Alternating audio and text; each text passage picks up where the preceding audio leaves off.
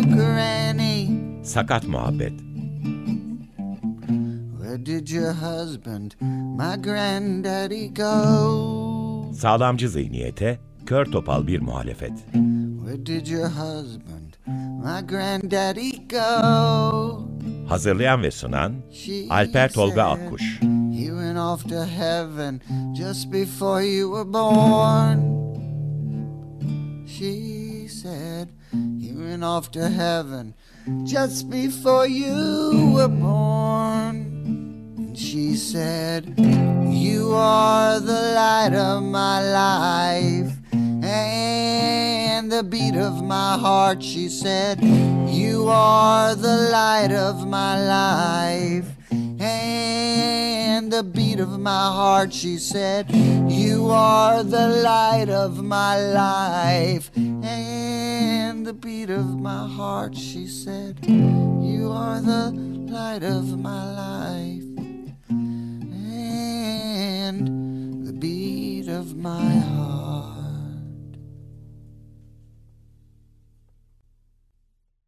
Merhaba, Açık Radyo'ya, Sakat Muhabbete, Sağlam Zihniyetin Kör Topal muhalifine hoş geldiniz. Ben Alper Tolga Akkuş. Bugün 9 Mayıs 2023 Salı. Seçime şurada 5 gün kadar bir süre kaldı. Çok önemli bir seçim hepinizin bildiği gibi. Daha önce de seçimle alakalı bir konu ve konukla karşınızda olmuştuk.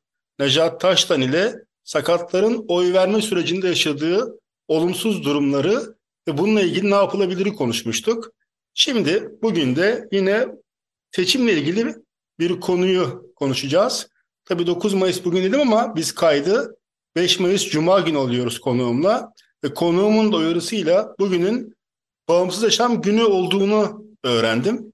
Ve çok güzel bir şekilde iki konu birbirine bağlandı aslında. Bunun da dışında 10-16 Mayıs Sakatlar Haftası böyle seçim, Sakatlar Haftası, Bağımsız Yaşam Günü gibi konuları meç ederek bağımsız bir yaşam başlığı altında bir konuyla karşınızdayız. Hemen konuğumu tanıtayım ben size. Sağlık Hizmetleri Sendikası, kısa adıyla Sahimsen Engeller Komisyonu Başkanı Ayşe Sarıkonu. Ayşe Hanım, Açık Radyo'ya hoş geldiniz. Nasılsınız, iyi misiniz? Hoş bulduk Alper Bey. İyiyim. Siz nasılsınız? Çok teşekkür ederim. Ben de iyiyim. Önce sizi bir tanıyalım. Eğer varsa sakatlığınız onu da belirterek kısaca bize aktarabilir misiniz? Elbette çok teşekkür ediyorum böyle bir fırsatı da bana verdiğiniz için. Ben kamu çalışanıyım. Aslında açık ve net söyleyeyim. Gülhane Eğitim Araştırma Hastanesi'nde Engelli Danışma Koordinasyon Biriminin sorumlusuyum. Bu birimi 2015 yılında Genelkurmay Başkanlığı yapmış olduğumuz bir proje sonrasında kurulmasını sağlamıştım. Bu birim halen varlığını sürdürüyor. 37 yıllık hemşireyim ancak ikinci lisansım sosyal hizmet, yüksek lisansım da e, sosyal hizmet ve 32 yılıma damga vuran aslında sakatlık konusu bu süremi aldı, 32 yılımı aldı ve daha da devam edecek. Bana ait bir engellilik yok e, fakat kızım engelli olduğu için biz engelliliği birlikte yaşıyoruz aslında. Anne kız olarak birlikte yaşıyoruz.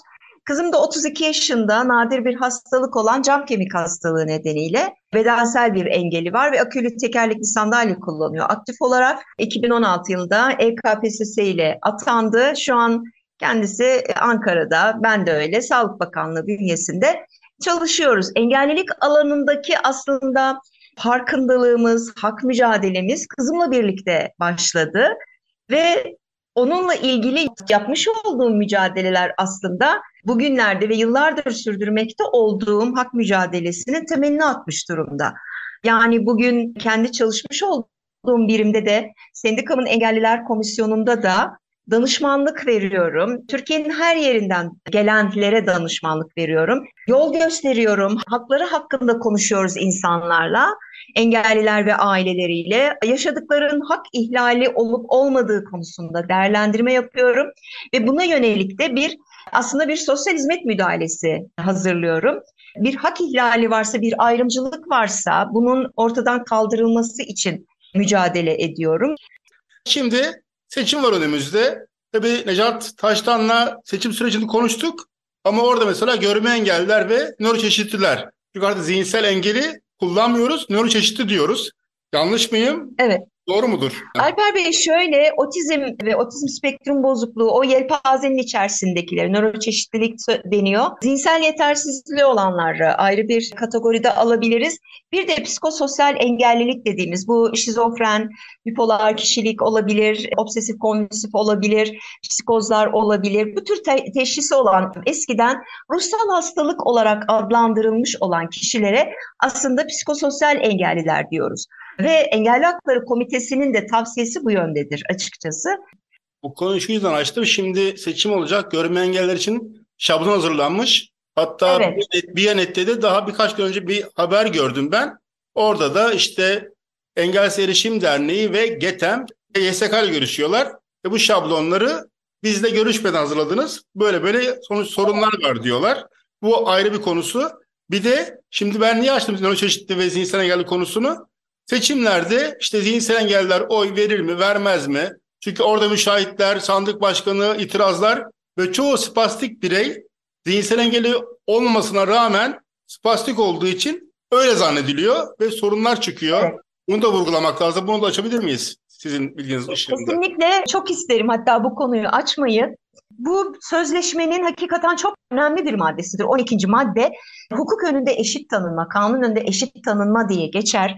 Ve hakikaten Türkiye bu konuda Engelli Hakları Komitesi'nin eleştirisini almış bir ülkedir ve tavsiyeleri vardır. Bu tavsiyeler arasındaki en önemli madde aslında şudur. Engelli Hakları Komitesi'nin kısıtlayıcı olan hükümleri kanun metinlerinden çıkarın. Yani zihinsel yetersizliği olanları, psikososyal engellileri kısıtlayan hükümleri ortadan kaldırın der. Biz bugün bir ÖTV istisnalı araç alacağımız zaman zihinsel bir yetersizliği varsa işte Alzheimer ya da diğer türlü psikososyal engellilikleri varsa hemen bir vasilik ortaya çıkıyor. Ya da bir kişi bakım evine gönderilecekse, hiç kimsesi olmadığı için bakım evine yerleştirilecekse mutlaka bir vasilik belgesi isteniyor. Bazen aileler de istiyor. Diyor ki ben çocuğu dışarı çıkarmayayım ya da engellik bireyi dışarı çıkarmayayım, çok da uğraşmayayım, alayım bir vasilik, imza yetkisini de alayım ve bu şekilde halledeyim. Yani seçme hakkının elinden alınması bir kişinin. E, şöyle bir şey, Türkiye'de yine Engelliler Konfederasyonu yapmış olduğu toplantıya e, Engelli Hakları Komitesi'nden, Cenevre'den bizim ülkemize misafirler geldi. Komite üyelerinden gelenler oldu. Ve bu konu konuşulurken yine ifade ettik. Hani Türkiye'de böyle böyle kısıtlamaların olduğundan bahsettik. Ve komite üyesi şunu söyledi ve çok da haklı. Sanki zihinsel engelliliği olmayan kişiler çok mu aklı başında oy kullanır ki? Bazen bir liderin görüntüsüne bakarak, bazen hitap şekline, ses tonuna bakarak oy verenler var. E, zihinsel yetersizliği olan bireyler, otistik olan bireyler neden oy kullanılması, neden vesayet altına alınmakla bu kadar önemli bir hakkı ortadan kaldıralım? Ve şunu çok net söylüyorum. 2019'da Cenevre'de katılmış olduğumuz toplantıda bu soru yine gündeme geldi komiteyle birlikte ve komite Türkiye'den yani Adalet Bakanlığı'ndan gelmiş olan temsilciye sordu. Neden böyle bir sistem var? Neden vasilik altına alınmış olan engellilerin sayısı bu kadar fazla diye sorduğunda kendileri şu şekilde söyledi Türkiye'den katılan Adalet Bakanlığı yetkilisi.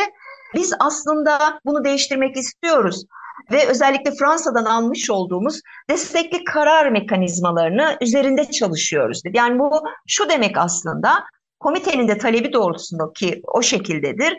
Vesayet altına alınmadan destekli karar mekanizmaları önlerine konularak kişiler desteklenerek karar vermeleri sağlanabilir. İmza yetkisi, üzerinde bir malı vardır, mülkü vardır, nerede yaşayacağına karar verecektir. Bakım kurumuna gitmek istiyorsa ille de vesayet altına alınması gerekmeyecektir. İşte oy kullanacağı zaman da oy verecektir.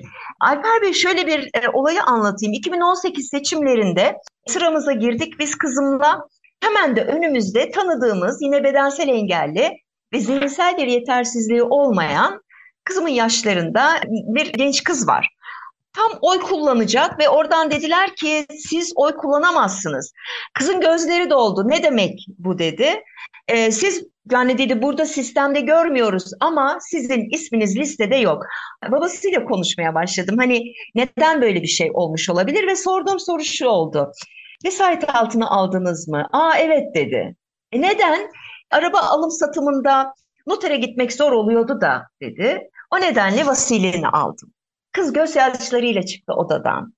Kendi hakkında karar işte tam da bağımsız yaşama hakkı budur.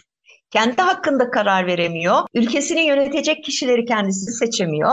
Çünkü çok basit bir işlem yüzünden onun seçme hakkı elinden alınıyor. O nedenle belki bu seçimde şeyleri çalışamadık bu seçime kadar. Çünkü pandemiydi, depremdi, ekonomik sorunlardı ve karşımızda Aile Bakanlığı'ndan yetkilileri bulamamak, bu da çok önemli bir sorun. Yani sürekli adı değişen bir bakanlıktan bahsediyoruz aslında Alper Bey. Dolayısıyla destekli karar mekanizmalarının ülkemizde bu konuda farkındalığının yaratılması gerekir öncelikle sivil toplum örgütleri arasında. Hak temelli çalışıp da bu konuyu halen acaba nedir diyen o kadar çok örgüt var ki bir araya gelinerek bu konuda çalışma yapmak lazım ve gerçekten yasa koyuculara da baskı yapmamız lazım. Dolayısıyla bu seçimlere yetişmemiş olabilir ama bundan sonra her kim kazanırsa kazansın engellilik hareketinin çok daha farklı, çok daha güçlü ve bir yanına sözleşmeyi alarak hareket ediyor olması lazım. Biraz daha hani dinlenmiyorsa sözü biraz daha sert hareket etmemiz lazım artık.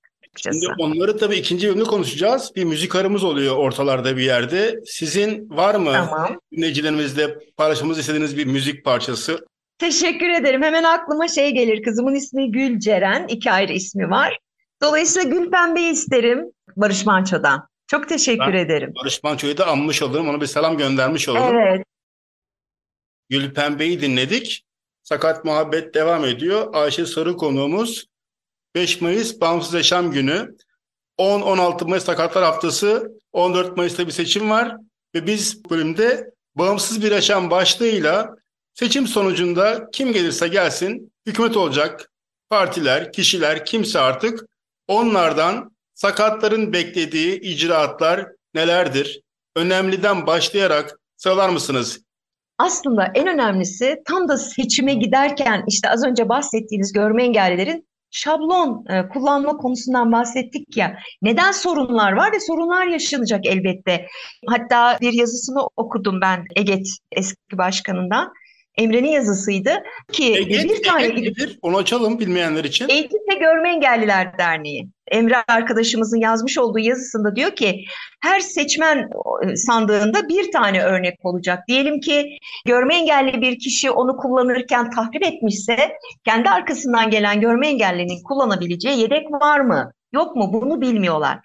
Dolayısıyla eğer bir e, uygulamanın başarılı olması isteniyorsa o uygulama kiminle ilgiliyse o kişilere sormak lazım. Görme engellilerin olmadığı bir yerde acaba biz bunu nasıl yapacağız, nasıl edeceğiz ki şablon uygulaması hakikaten engelli e, hareketinin bir ortaya çıkardığı arkadaşların bizzat çalışmış olarak ortaya çıkardı ve önlerine sunduğu, Yüksek Seçim Kurulu'nun önüne sunmuş olduğu bir e, öneri, bu teklif hayata geçirildi. Fakat bugün kamu spotuna bile bakıyoruz. Görme engelliler için e, betimlemeli bir kamu spotu değil. En öncelikle yapılması gereken her türlü karar sürecine engellileri, ailelerini ve onları temsil eden sivil toplum örgütlerini yani engelli örgütlerini sürece dahil etmek zorundalar. En önemli ilkemizin bu olması gerekir. Bunu vurgulamamız gerekir Alper Bey. Ki şey konuştuk bir vesayet konusu dediniz ya seçimde önde bir hanımefendi vardı ve ailesi vesayet altına almış o yorulmasın diye. Evet. Şimdi şablon evet. diyoruz. Şablon hazırlamışlar ama görme engellilere sormadan onların faydasına diye. Bize sormadan bizim için hareket etmeleri en büyük sorun aslında bakarsanız. Evet. Bağımsız yaşamı konuşuyoruz. Bağımsız yaşam günü derken çok kapsamlı bir şey ama sakatların, engellerin bağımsız yaşaması en büyük idealleri. Bu konuda tabii haftaya da bağlayarak neler söyleyebilirsiniz? Şöyle herkesin kendi hayatı hakkında karar verme hakkı vardır. Herkesin kendi kararlarını verme hakkı vardır. Ama engelliliğe baktığınız zaman bakıma muhtaç, yardıma muhtaç, korunmaya muhtaç görülürler. O nedenle onların yerine karar vermek bu ailelerin de çoğu zaman yapmış olduğu şeydir. Çocuğum hakkında ben karar vereyim. O çocuğun yaşı büyüyor. Ben engelli çocuğum var diyorum ama 32 yaşında, 33 yaşına gelecek bir kadından bahsediyoruz aslında. Dolayısıyla geleceğine ait kararlarda onun öncelikli hakları var. Ya da çok net yine sosyal hizmet müdahalesi yapmış olduğum bir engelli bir kadın vardı. Bakım evinde kalmak istemiyorum diyordu. Ben dışarıda bir evde yaşamak istiyorum ve bakım evine gitmek istemiyorum. Ama evinde de ona bakacak hiç kimsesi yok. Akraba yok. O zaman devletin sunmuş olduğu öneri şuydu. Bulduğun kişinin, akraba dışı kişinin vesayeti altına gireceksin. Bu şekilde biz o kişiye bakım parası ödeyeceğiz diye. Var olan mevzuat var olan yasalar asla engelli bireylerin aleyhine işlememeli. Ama ne yazık ki biz bunu görüyoruz. Bağımsız yaşam dediğimiz zaman topluma tam katılımı sağlayacak, eğitime tam katılımı sağlayacak, sağlık hakkına erişimi sağlayacak, yaşam hakkını koruyacak, istihdama katılım, çalışma hayatına etkin katılımı, bütün bunları kapsayacak bir sistematik değişimden bahsediyoruz. Bağımsız yaşamın araçlarından da bahsetmek gerekir. Görme engelliler için beyaz bastondan, işitme engelliler için gerekiyorsa koklear implant, gerekiyorsa işitme cihazı, bedensel engeli olan yürüme güçlüğü çekeni için bir kanedyenden, koltuk değneğinden, tekerlekli sandalyeden bahsediyoruz. E, ve bunları kullanırken, bunları temin ederken finans konusu çok önemli. Bugün cebimizden ödediğimiz tutarlar o kadar fazla ki devletin yani SGK'nın yapmış olduğu ödemede çok sınırlı ürünler alabiliyoruz ve kalitesi düşük ürünler alabiliyoruz ne acı ki. Bunun finanse edilmesi de gerekir. Özellikle seçim sonrası kim iktidara gelecekse e, sosyal güvenlikle alakalı bu sağlık uygulama tebliğinde ciddi değişikliklerin yapılması gerekir. Kapsamın genişletilmesi, bağımsız yaşamayı destekleyecek bu araç gereçlerin kolay erişilebilir hale getirilmesi için e, ciddi bir çalışma yapılması gerekir. Yine engellileri, e, ailelerini ve bizleri, sivil toplum örgütlerini dahil ederek. Bunun yanında erişilebilirlikten aslında bahsetmek gerekir ki erişilebilirliğin olmadığı bir yerde bağımsız yaşam hakkından bahsetmek mümkün değildir. Diğer yandan aslında 5 Mayıs Bağımsız Yaşam Günü e, yaşama hakkı ile ilgili olan bugünün aslında en önemli aracı kişisel asistanlıktır. Özellikle Türkiye'de Engelli Kadın Derneği'nin de öne çıkarmakta olduğu bir çalışmadır bu, farkındalık çalışması. 2014 yılında Avrupa Bağımsız Yaşam Ağı'nın ortaya çıkardığı ve farkındalık amaçlı geliştirdiği bir gün kutlama şeklindedir. Hani kutlama farkındalığı geliştirmek amaçlıdır. Ve kişisel asistanlığı Engelli Hakları Komitesi'nin genel yorumlarında da görüyoruz. Nedir bu? Eğer ben kızımın yanında sürekli olursam bir bakıcıdan farkım yoktur. Kızım belli şeylerini bana söyleyebilir. Paylaşımlarımız sınırlıdır. Ya da engelli bir bireyin yanında abisi, ablası, babası, akrabası, her kim olursa ama bu kişi kişisel bir asistan olursa çalışma usullerini, şeklini kendisinin, engelli bireyin kendisinin belirlediği, bunun yanında kim olacağını da kendisinin belirlediği bir asistandan bahsediyoruz. Bu kişiyle ev içinde, ev dışında nasıl çalışılacağı konusunu yine sınırlarını belirleyebilecekler. İşe gidip gelmede, eğitime gidip gelmede, sosyal hayata katılımda böyle bir araç diyoruz biz kişisel asistanla. Elbette ki bunun bir yasal düzenlemeye ihtiyacı var. Seçim sonrası çalışacağımız konulardan biri mutlaka bu olmalı. Yasal bir düzenlemesi olmalı çünkü Evde bakım aylıkları ödeniyor şu an. Bir yasa kapsamında ödeniyor. Benzer bir ödemenin kişisel asistanlık adına da ödenmesi gerekir ve bu ücretin elbette engelli bireyin kendisine ödenmesi gerekir. Yine bakım veren kişi gibi kişisel asistana ödenmesi gibi bir yanlışı da düşülmemesi gerekir. Devlet tarafından da finanse edileceği için yasal bir düzenleme boyutuna ihtiyaç var diyebiliriz. Yalnız şöyle bir şey var. Bizi dinleyenler konuda bilgi sahibi olmalı. Hani bahsettiğim şekilde evde bakım aylığı akraba dışı birine ödeneceğinde kişi vesayet altına alınacak diyorum ya hani. Bu yapmış olduğum sosyal hizmet müdahalesinde Kamu Denetçiliği Kurumu'na başvuru yaptık ve öyle güzel bir karara imza attık ki Kamu Denetçiliği Kurumu'nun burada rolü de çok büyüktür. Kişi vesayet altına alınmadan komşusu ona bakım veriyordu. O şekilde evde bakım aylığı bağlattık. Demek ki bazı şeylerin de imkanı var, yolu açık ama mücadele etmek gerekiyor. Eğer bizi dinleyenler içerisinde bu tür bir sorunla karşı karşıya olan birisi varsa hani bizimle de bağlantıya geçebilir. En önemli sorun aslında EKPSS ve kura yoluyla atama bekleyen engelli e, gençler var. Ciddi anlamda sözler veriliyor. Bakıyorsunuz bir buçuk yıl kadar önce neden de 12 bin atama şu an Twitter'da sürekli etkinlik düzenliyorlar. Çünkü yapabilecekleri başka bir şey yok. Hele ki seçim öncesi kendilerini riske atıp Ankara'ya gelip burada bir eylem yapma gibi gerçekten riskli bir ortam. Kendileri bunu düşünüyorlar çünkü. Ama riski de çok ön plana almaları gerekir. Ancak şöyle bir hemen seçim sonrası engelli istihdam kotasının artırılması için mutlaka yasal düzenleme çalışmasını başlatmak gerekir. Bunun yanında şu an kadrolu olan, kamuda çalışan kadroluların sayısı kota hesabında dikkate alınıyor. Örneğin son yıllarda on binlerce sağlık çalışanı alındı, on binlerce öğretmen alınıyor. Kurumlara KPSS yoluyla sözleşmeli personel alınıyor. Ve sözleşmeli personel kota hesabında sayıya dahil edilmiyor. Çok ciddi bir sorundur. Engelli kamu personeliyle ilgili olan yönetmeliğinde değişiklik yapılması gerekir ki sözleşmelilerin de bu sayıya dahil edilmesi gerekir. Böylelikle hem yüzde üçün artırılması hem de sözleşmelilerin dahil edilmesiyle birlikte yüzde üç hesabında veya yüzde altı olursa yüzde altının oldukça fazla bir sayıda atama yapılması gerekir. Hani geçenlerde öğretmen ataması yapıldı. İşte 3500 alım yapılacaktı herhalde. Bağışlasınlar eğer sayı olarak yanlış hatırlıyorsam. Bu sayı öyle bir son anda şöyle açıklandı. Tercih yapan herkes atandı o an.